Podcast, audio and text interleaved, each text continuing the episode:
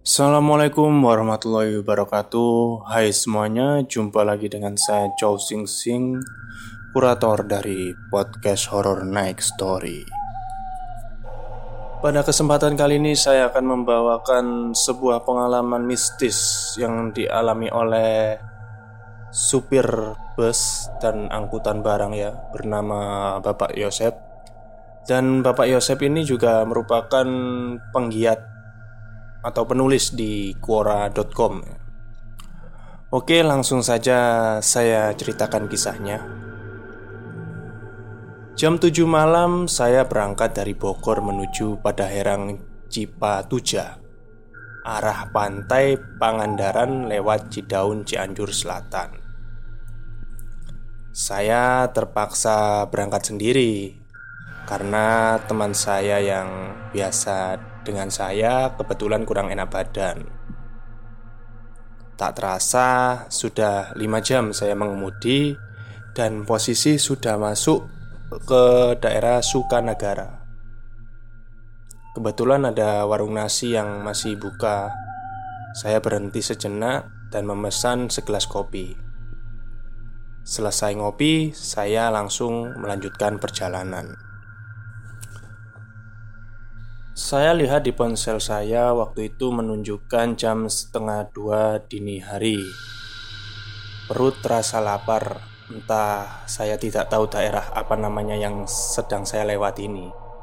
Setelah saya sudah melewati Cidaun Di jalanan cuma Saya saja tidak ada kendaraan lain. Dan di depan saya saya lihat seperti ada warung kopi.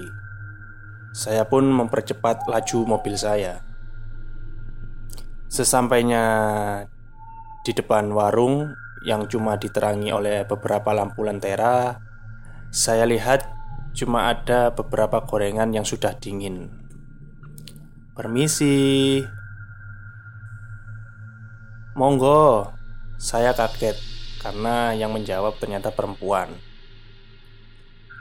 Silahkan duduk, Pak. Mau pesan apa? Ada kopi, Bu. Ada pak, mau kopi apa? Kopi hitam, kopi jahe, atau kopi susu? Tolong bikinin kopi susu saja bu Loh, suami ibu ke mana? Kok sendirian? Uh, suami saya baru saja tidur pak Itu di kamar Mau tutupkan tanggung Sebentar lagi subuh Kalau subuh suka banyak truk pada lewat pulang dari kota, lumayan lah. Mereka suka pada ngopi di sini. Setelah obrolan berakhir, kopi pun disuguhkan ke saya. Namun, makin lama saya duduk di warung itu, perasaan saya makin tidak nyaman. Hawa begitu dingin waktu itu. Hidung saya tiba-tiba mencium bau amis dan dalam hati saya, astagfirullahaladzim Ada apa ini? Saya nyalakan rokok saya sambil melihat ke arah jalan Kopi yang baru saja diseduh itu sudah terasa agak dingin Hati saya mendadak ada rasa khawatir Pikiran penuh tanda tanya Ada apa di warung ini? Meski perempuan itu sikapnya ramah, tapi sorot matanya begitu tajam, penuh rasa dendam. Kopi yang saya minum tiba-tiba saja rasanya hambar, dan badan saya rasanya berat sekali, seperti ada yang menumpangi pundak saya. Baju tak terasa basah oleh keringat saya sendiri. Lalu saya ke mobil hendak ganti baju.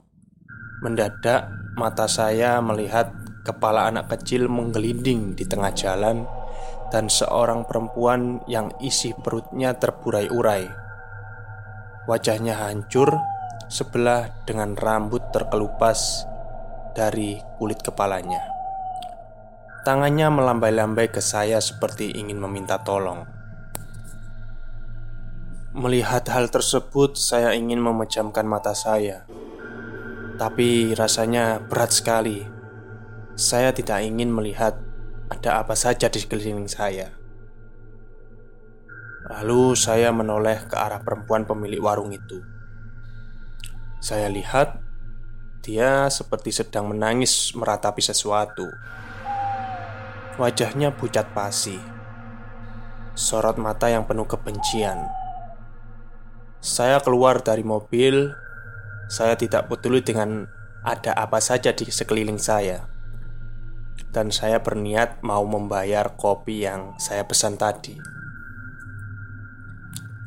Saya merasa di sekeliling saya ada yang tidak beres.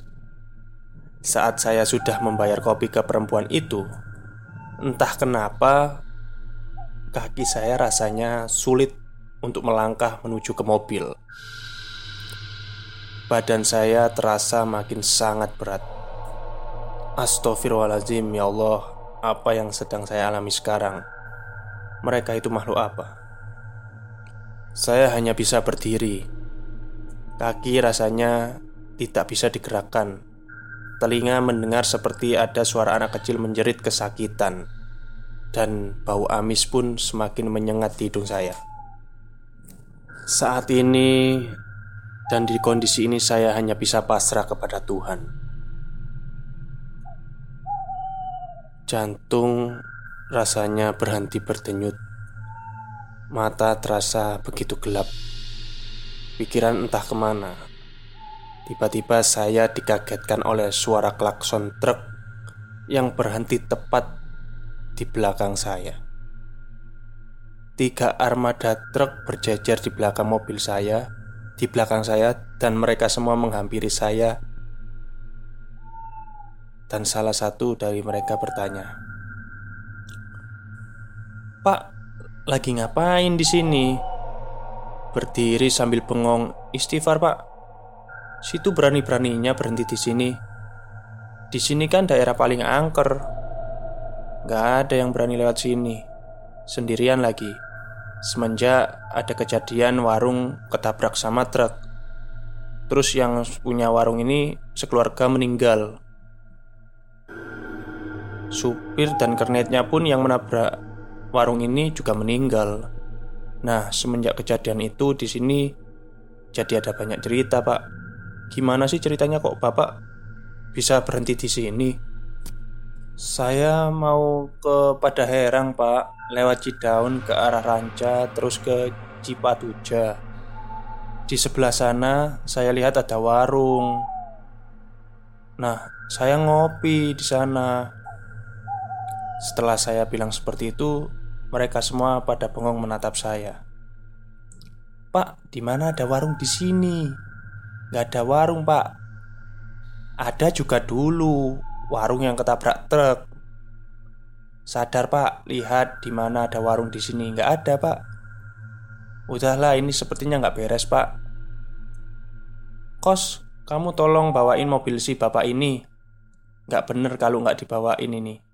Sepertinya si bapak ini keusap dedemit sini. Warung nggak ada kok dibilang ada. Ayo pak, cepat masuk ke mobil Biar kernet saya yang bawa mobil bapak Nggak bakalan bener kalau dibawa sendiri. Takut cilaka.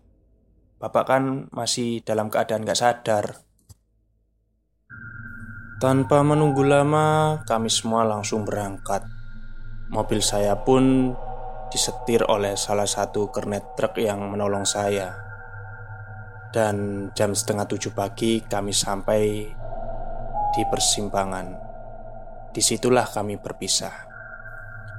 Saya langsung berangkat ke tempat tujuan saya setelah saya berterima kasih banyak kepada mereka yang tanpa pamrih membantu saya dengan rasa solidaritas sesama anak jalanan.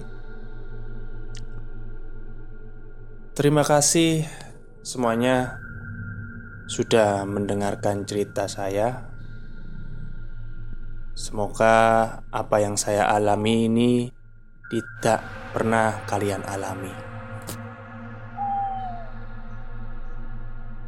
Baik, terima kasih kepada Bapak Yosep yang sudah uh, menceritakan pengalaman mistisnya ya. Dan